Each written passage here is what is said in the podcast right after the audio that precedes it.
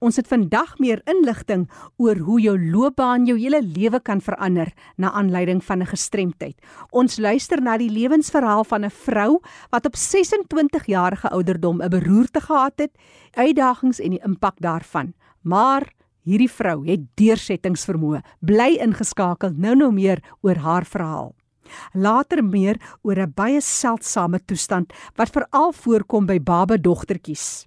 Rett-sindroom. By geboorte is alles normaal en dit ontwikkel ook tot op die ouderdom van 3 omtrent, maar skielik stop die breinontwikkeling. Bly ingeskakel, meer inligting later oor Rett-sindroom. Maar kom ons sluit eers aan by Fanny de Toey.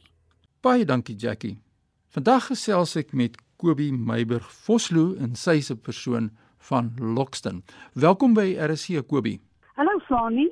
Ja, Kobie, ons moet uitreik na die landelike gemeenskappe en is so lekker om jou te gesels daar waar jy nou in Lockston se wêreld in die pragtige Karoo is. Jy woon jy in Lockston self? Ek woon in Lockston al vir 16 jaar. Vertel my 'n bietjie waar het jy groot geword voor ons nog gaan luister na jou storie en hoe gestremdheid jou lewe geraak het en of raak daagliks. Fanny, ek het groot geword in die laerskool in Primrose Oos en daarna as ek in my hoërskool en my studente daar maar die hele tyd in Potchefstroom gewees. En wat het jy gestudeer in Potchefstroom? Ek het hier mis studeer met klavier as hoofvak en ook viool en orgel geneem as byvakke. Nou jy sê nou jy het musiek studeer. Vertel ons 'n bietjie meer oor hoe dit begin. Het waarom het jy musiek gefokus op? Ek het gefokus op musiek omdat ek al klavier gespeel het van 5 jaar af en my lewensdroom was om eendag 'n uh, musiekjuffrou te word. En dit was maar my hele uh, passie gewees deur my hele lewe en daarom het ek musiek gaan studeer. Nou ek het 'n bietjie navorsing gedoen oor jou leefwêreld en ek sien dat jy was ook betrokke by die SAIK se Junior Simfonieorkes, is dit korrek? Dis reg, ek het daar viool gespeel, tweede viool. Baie interessant. Nou ja, jy wat nou net by ons aangesluit het, ek gesels met Kobie Meiburg Vosloo en sy's van Lockston. Ons gaan nou kyk bietjie na haar leefwêreld wat met haar gebeur het en dis wat ek nou wil jou wil vra Kobie in 1984 het jy beroerte gehad. Vertel ons bietjie meer daaroor. Dis korrek. Dis korrek vir my. Ja, ek het 'n naweek van intense hoofpyn beleef en die maandagooggend voordat ek skool toe gegaan het, ek was in die onderwys op daardie stadium in die Parel, het ek absoluut 'n verskriklike steekpyn aan die regterkant van my kop gekry, waarna ek onmiddellik gevoel het my mond is naalde en spelde en daarna vanaf my voet af het die naalde en spelde opgeloop deur my hele linkerkant tot in my gesig. Weldige impak wat dit het op 'n mens, né? Nee? Dit is ja, ek was dadelik bewus daarvan dat ek glad nie aan die linkerkant kan beweeg nie, ek was verlam. En jy was nou nog jonk. Hoe oud was jy daai tyd? Ek was 26 voor nie. En uh kinders? En my man se dogtertjie was 6 jaar oud en my uh, oudste uh, eie seentjie was 7 maande. Ja, dit het mens kom dit as 'n skok jou familie hoe dit hulle toe te hanteer daai oomblik toe dit nou gebeur. Ja, ek onthou baie goed. Ek was die hele tyd by be bewussyn. Ek het nooit my bewussyn verloor nie en al wat my man vir my gesê het is ou nooit moet asseblief net oorkom nie. Ek dink dit was vir hom 'n geweldige skok geweest en ook daarna, dit moes vir hom nie maklik gewees het nie. Ja, jy weet as mens kyk nou na beroerte, die impak daarvan wat dit op die mens het wat lei tot sekere forme of verskillende forme van gestremdheid en dit is wat ons 'n bietjie met van naderby beskou by jou en dit gaan oor die herstelproses, die aanvaardingsproses. Vat ons 'n bietjie deur, jy's so jonk en nou gebeur hierdie trauma. Vertel ons, vat ons deur wat het toe gebeur die aanvaarding wat ons eintlik by uitkom. Ja, in die eerste plek uh, is jy so siek. Jy jy dink aan niks. Jy dink nie aan enige gevolge nie. Jy slaap baie. Niks wat rondom jou aangaan maak werklik waar saak nie. En ek sal sê 'n week daarna wanneer jy eintlik begin wakker word en begin dink, ek moet sê van die begin af was my baba vir my die groot probleem. Ek het net gesê, weet ek gaan my baba verloor. En die hele tyd was ek bekommerd oor oor my swangerskap want ek was natuurlik 12 weke swanger en daar was nog 27 weke van swangerskap oor. So alles het vir my gegaan oor my baba. Ek het glad nie gedink aan o, ek gaan nooit weer klavier kan speel of my musiek beoefen nie. Nou, jy het nou na 'n neuroloog gegaan. Vertel ons 'n bietjie. Ja, die insident was op die 13de Augustus, die 14de Augustus van 1984 is 'n Kaap toe geneem waar hulle 'n scan gedoen het en vasgestel het maar ek het beroerte gehad aan die regterkant van my brein en dit is hoekom dat ek aan die linkerkant verlam is. Nou ja, nou hoe dit jou musiekloopbaan toe natuurlik bedreig of wat was die boodskap wat jy daar gekry het? Jy gaan nou miskien nie volledig herstel nie en wat daar wat het toe gebeur daar? Hulle kon nie vir my dadelik sê uh, dat ek nie volledig sal herstel nie. Maar 2 jaar na die beroerte het ek vir opvolgbesoek na die neuroloog toe gegaan waarna hy ons toe gedeel het ek sal nooit weer kan musiek beoefen nie, ek sal nooit weer skool kan gee nie en ek sal nooit weer kan bestuur nie. En dit is daar wat my hele wêreld vir my voor my verkrummel het en ek besef dit is oor en uit vir my. Maar tog het jy geweier om dit te aanvaar. Dis heeltemal reg van nie. Ek was verskriklik in opstand oor die uitslag en ek het net besluit dit gaan nie met my gebeur nie. Ek gaan my bes doen om hier uit te kom en ek was geweldig gemotiveerd. Ek het ook fisioterapie gekry vir 4 jaar en ek het werklik baie voluit gegaan daarvoor. Dit was soos 'n uh, gimnastiek wat ek my voorgegee het aan en net geoefen en geoefen en geoefen het want ek wou regkom ter wille van my kinders en ter wille van my musiek. Ja. Ja, so iets gebeur, dit gebeur daagliks rondom ons en dan moet ons die realiteite in die oë staar en hoe die familie gereageer op hierdie proses, jou helingsproses. Ja, dit is 'n goeie vraag. Ek dink my ouers het gesukkel om dit te aanvaar. Vir my man uh, was dit uh, eers nie 'n aanvaardingsproses nie want hy het voluit gegaan om my te by te staan. Hy moes alles vir my doen. Van my bad en my hare blaas en my aantrek en uittrek en hy moes die kinders uh, versorg en uh, doeke aansit en ons naalknip en my naalknip so dit hy was 'n geweldige stres gewees maar ek dink dit was vir hom onaanvaarbaar met dit wat hy besef het ek gaan nie herstel nie ek dink dit was vir hom heeltemal onaanvaarbaar en toe jy op 'n stadium ook by Karnavon het draai gemaak as ek reg het dit is heeltemal reg want ek is 4 jaar na die beroerte geskei en ek was gelukkig geweest om 'n uh, musiekpos by 'n klein skool in Kanaven te kry. Dit was absoluut van bo want daar is die neuroloogse voorspelling dat ek nooit weer musiek sal kan gee nie. Klare bewys dat ons 'n groot God het wat anders besluit in ons lewe en dat mense nie 'n uitspraak oor jou kan hê nie. So daar het ek gaan musiek gee vir 10 jaar en dit was wonderlike 10 jaar van my lewe wat ek my kinders daar alleen kon grootmaak in die strate van 'n platte land. Ja, dis 'n wonderlike storie Kobie Meiber Vosloo van Lockston en sy maak haar hart oop vandag met ons oor wat met haar gebeur het nadat sy beroerte gekry het en ons hoor nou wat dit die proses was van aanvaarding of herstel as dit mens so kan stel. Die horlosie het aangestap en is 35 jaar later of wat nê? Nee?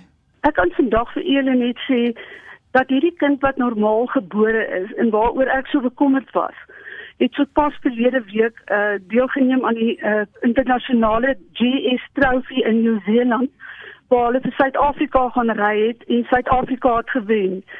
So ek is werklik waar uh, bewoer daaroor as ek dink uh hierdie kind kon dood gewees het en ek kon dood gewees het en hierdie kind al die pad uh, presteer hy en gaan goed aan. En ek ook. Ek is wel dit gaan goed met my kry jy nog van tyd tot tyd spasmas of 'n sekere dele van jou liggaam wat jy voel wat nog nie heeltemal soos wat jy sit sou hê herstel nie en wat jy nou saamleef met elke dag? Fanny, ek het 75% herstel. My regterhand is nog in 'n verskriklike spasma. My hele linkerarm ruk verskriklik en ek loop effens mank nog. Wat oorgebly het is my oë wat 'n blinde visie het en dit is wat ek uh, mee saamleef en ek het dit aanvaar en ek leef daarmee saam. Ons program het besig om uit te hardloop. Ek gesels met Kobie Meiburg Vosloo en ons kyk na haar lewe nadat sy beroerte gekry het en oor 35 jaar later. Kan ek net afsluit deur vir jou 'n vraagie te vra? Is dit uh, sodat mense soms jou beoordeel op jou uiterlike en hierdie simptome wat hulle nou sien of hierdie uiterlike wat hulle sien dan beoordeel jy daarop? Nee, glad nie. Ek voel glad nie dat hulle is intens jammer vir my nie, maar hulle is werklik waar besorg dat dit goed gaan met my en almal is uh, baie lief vir my en staan my by as ek uh, iets nodig het, is hulle altyd daar vir my en daaroor is ek ook baie dankbaar dat die kerk vir my ook elke dag voorsien van 'n gekookte bord kos. Wonderlik. Nou ja, daar het ons 'n suksesstorie Ons hoor nou wat sê Kobie Meiber Vosloo daarvan Lockston in die gemeenskap wat saam staan, jou ondersteun en jy het natuurlik hierdie pad geloop en wou nooit opgee nie. Jy's 'n rolmodel. Gaan net so voort en nou ons op hoogte hoe dit gaan met die jare wat kom Kobie. Baie dankie vir die geleentheid. Ek waardeer dit opreg.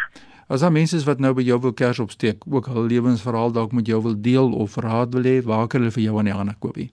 Hulle kan my op my telefoon skakel. Kan ek die nommer gee? Asseblief. 084 83 48 597. Herhaal ons net daai nommer weer. 084 83 48 597. Nou, dis die kontakbesonderhede van Kobie Meiber Vosloo daarvan Lockston. Groetens hier van ons kant.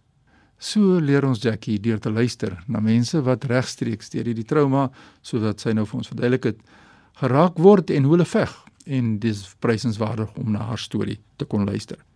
Indien jy 'n storie het om vir my te vertel, my e-pos is fani.dt@mweb.co.za. Groete uit Kaapstad. Wat 'n inspirerende storie. Dankie Fani dat jy met ons gedeel het oor die lewe van Kobie Meiburg Vosloo. Net weer haar telefoonnommer 084 834 8597. Dis die program Leefwêreld van die gestremde op RSG. Ek gesels nou met twee besorgde mammas. Laurika Hennis en Dion Snyders. Hulle is ehm um, van Red Sindroom Suid-Afrika. Eerstens, wat is Red Sindroom?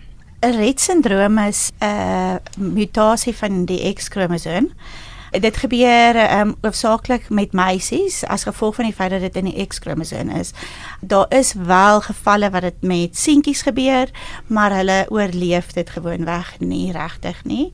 Dit affekteer die manier dat die brein ontwikkel. Soos 'n kind met Rett sindroom sal normaal ontwikkel tot so 18 maande of 12 maande die ontwikkeling sal stop en hulle begin om goeters te verloor. Soos 'n dogter wat kon praat, kan nou nie meer praat nie, 'n dogtertjie wat kon loop, kan nou nie meer loop nie of kon staan, kan nou nie meer staan nie. Hmm. So dis die belangrikste deel dat hulle ontwikkel normaal en dan begin goed te verloor. Hmm, dan gaan dit weer agteruit. Ja, dis heeltemal weg.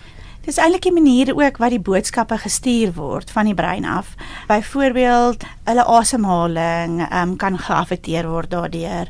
Elke boodskap wat in jou lyf gestuur word, um, het 'n sekere proteïene nodig en die proteïene um, word nie regtig meer vervaardig om die selle of die neurons te stuur en te vorm en te stuur. Ja. So in die begin van ontwikkeling kort jy nie so baie van daai proteïene nie. En dan as die kind begin groei, dan kort jy meer en meer van dit, want die ontwikkeling begin meer intensief te raak en meer ingewikkeld te raak. Ja. So dan kort jy meer van daai proteïen. Hoe gebeur dit? Is dit tog nie oorerflik nie? 'n Spontaan mutasie. Mm. So jy doen al die regte goed en dan gebeur dit nie. Ja, ja, daar's niks wat ons kon doen om dit te verander nie. Ja.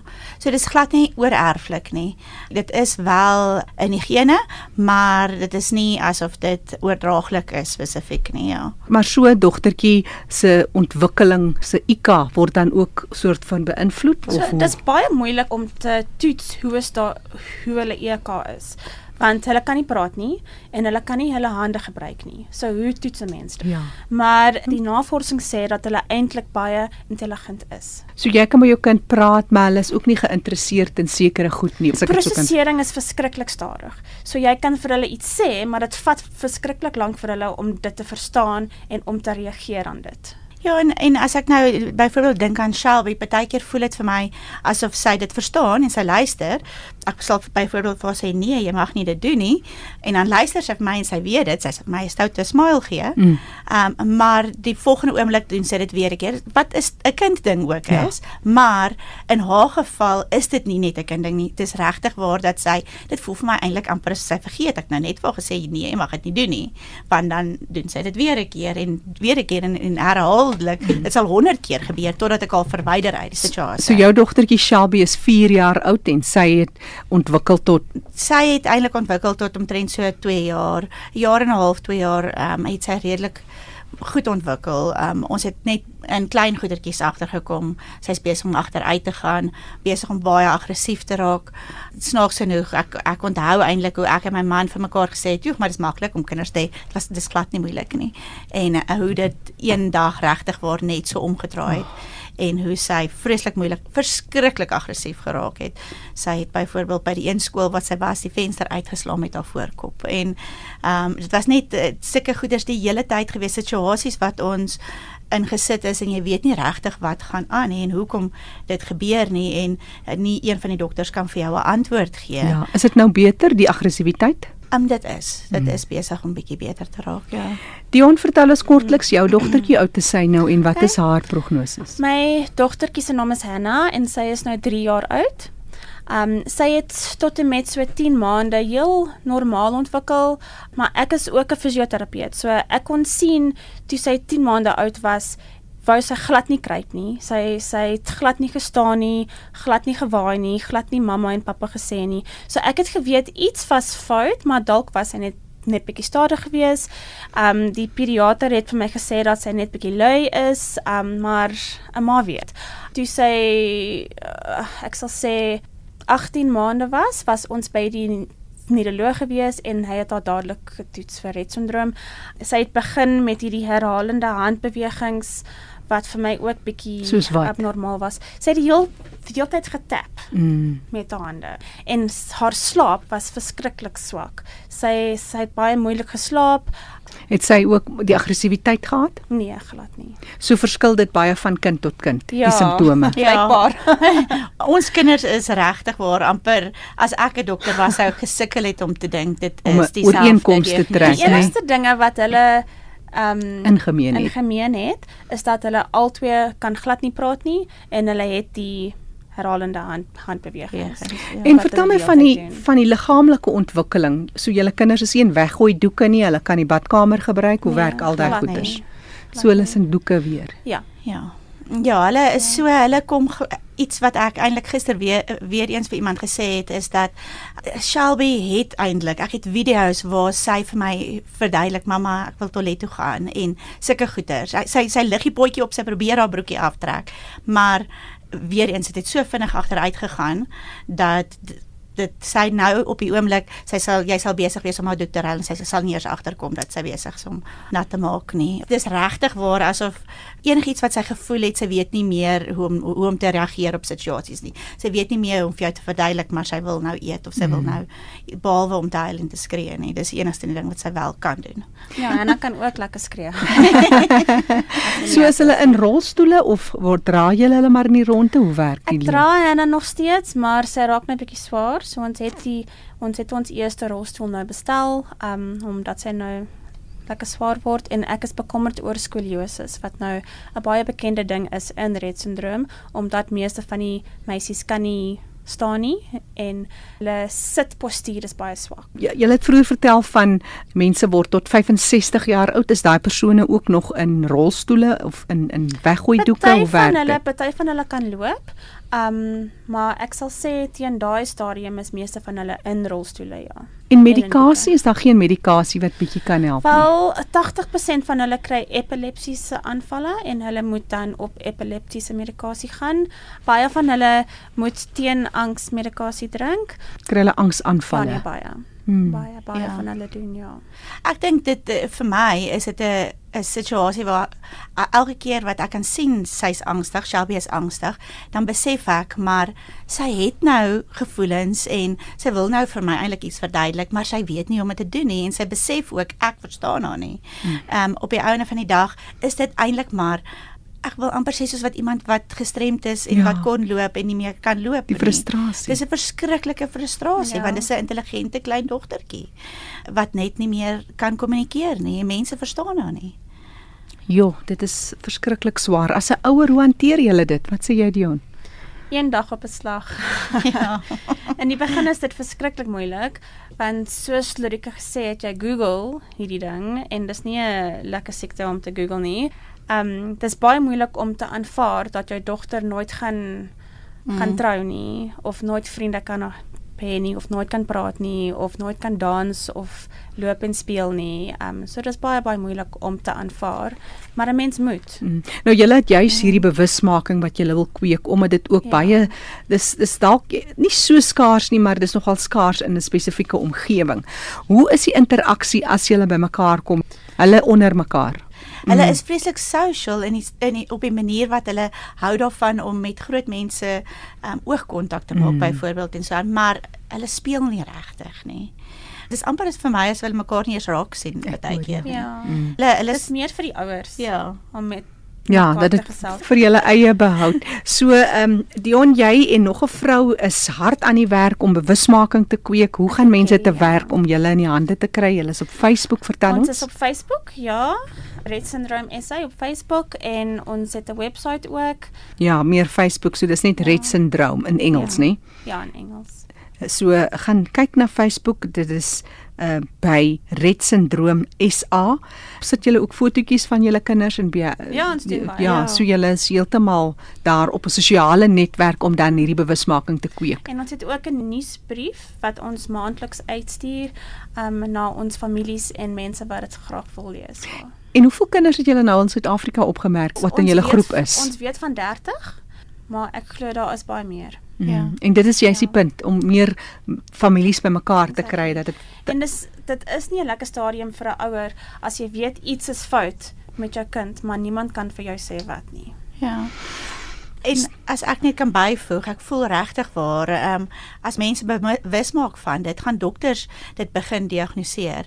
Mediese fondse gaan dit begin finansier en vir jou betaal uh, daarvoor want dis dit is nie 'n goedkoop ding en daar's ouers op die groepie wat enkelouers is, enkelmaas is. Ek weet eersins nie hoe doen hoe tel jy 'n kind op van 21 jaar as jy 'n klein vrou is nie. So daar's regtig waar vreeslik baie mense wat hulp nodig het. Ek dink hoe meer mense bewusmaking het tot Rett syndroom, hoe beter is dit. En waar is julle kinders nou nog altyd in 'n skool vir kinders met gestremdhede word hulle Ja. toegelaat daar? Hoe hanteer die onderwysers hulle? Hulle is in Chrysalis skool in Pretoria. Ja. Hannah en Shelby. Ja, Hannah en Shelby is 'n amazing skool. Dit is 'n amazing Ja. skool. Hulle is wonderlik daar. En julle is nog gelukkig nie, daar's Ja. baie ouers in 'n plattelandse dorp wat net nie daai fasiliteite het nie. Ja. Of dit kan bekostig nie, want dit is nie dis nie goedkoop nie. twee mamas wat gesels, Laurika Jenus en Dion Snyders en gesels het oor hulle pragtige dogtertjies. Hanna is nou hoe oud? Sy's 3 jaar oud. Hanna is 3 jaar oud en dan Shelby is 4 jaar oud. Net weer daai kontakbesonderhede gaan na Facebook toe Red Syndroom SA of gaan kyk na hulle webtuiste red koppelteken sa.co.za of Dion, ek kan jou telefoonnommer gee vir mense wat dan nou nie een van die goed doen nie en graag kontak wil maak 074 139 0714. Hier kom hy weer 074 139 0714. Die program Leefwêreld van die Gestremde is beskikbaar as 'n potgooi. Dis nou as jy weer wil gaan luister daarna en onthou as jy op ons webtuiste kom erisg.co.za is al die besonderhede van ons deelnemers ook op ons webtuiste. Vir enige ander navrae of terugvoer stuur sommer net 'n SMS na 45889. 'n SMS kos jou R1.50. Leefwêreld van die Gestremde word saamgestel en aangebied deur Fanie De Tooy en Jackie January.